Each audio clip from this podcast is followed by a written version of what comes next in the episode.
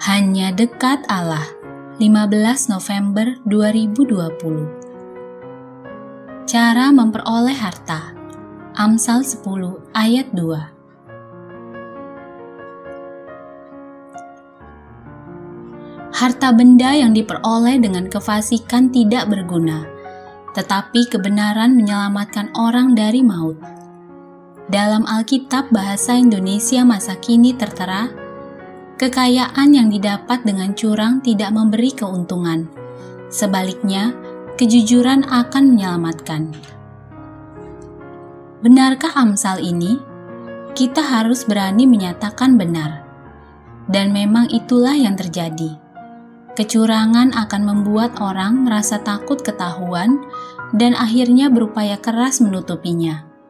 Bahkan sering kali kecurangan membuat seseorang merasa perlu mengeluarkan uang untuk menutup banyak mulut. Kalau sudah begini, bisa jadi orang tersebut malah tak punya kesempatan untuk menikmati hartanya. Dia tidak lagi merasa untung, tetapi malah merasa malang.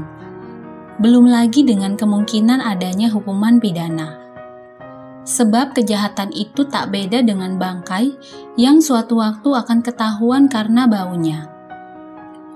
Lain halnya dengan orang yang memperoleh harta dengan cara jujur. Dia bisa lebih terbuka hidupnya. Tak ada yang perlu ditutupi.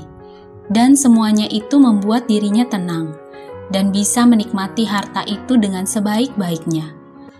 Kejujuran memang menyelamatkan. Dengan kata lain, Kejujuran memang membuat setiap orang merasakan damai sejahtera dalam hidupnya. Salam semangat dari kami, literatur perkantas nasional, sahabat Anda bertumbuh.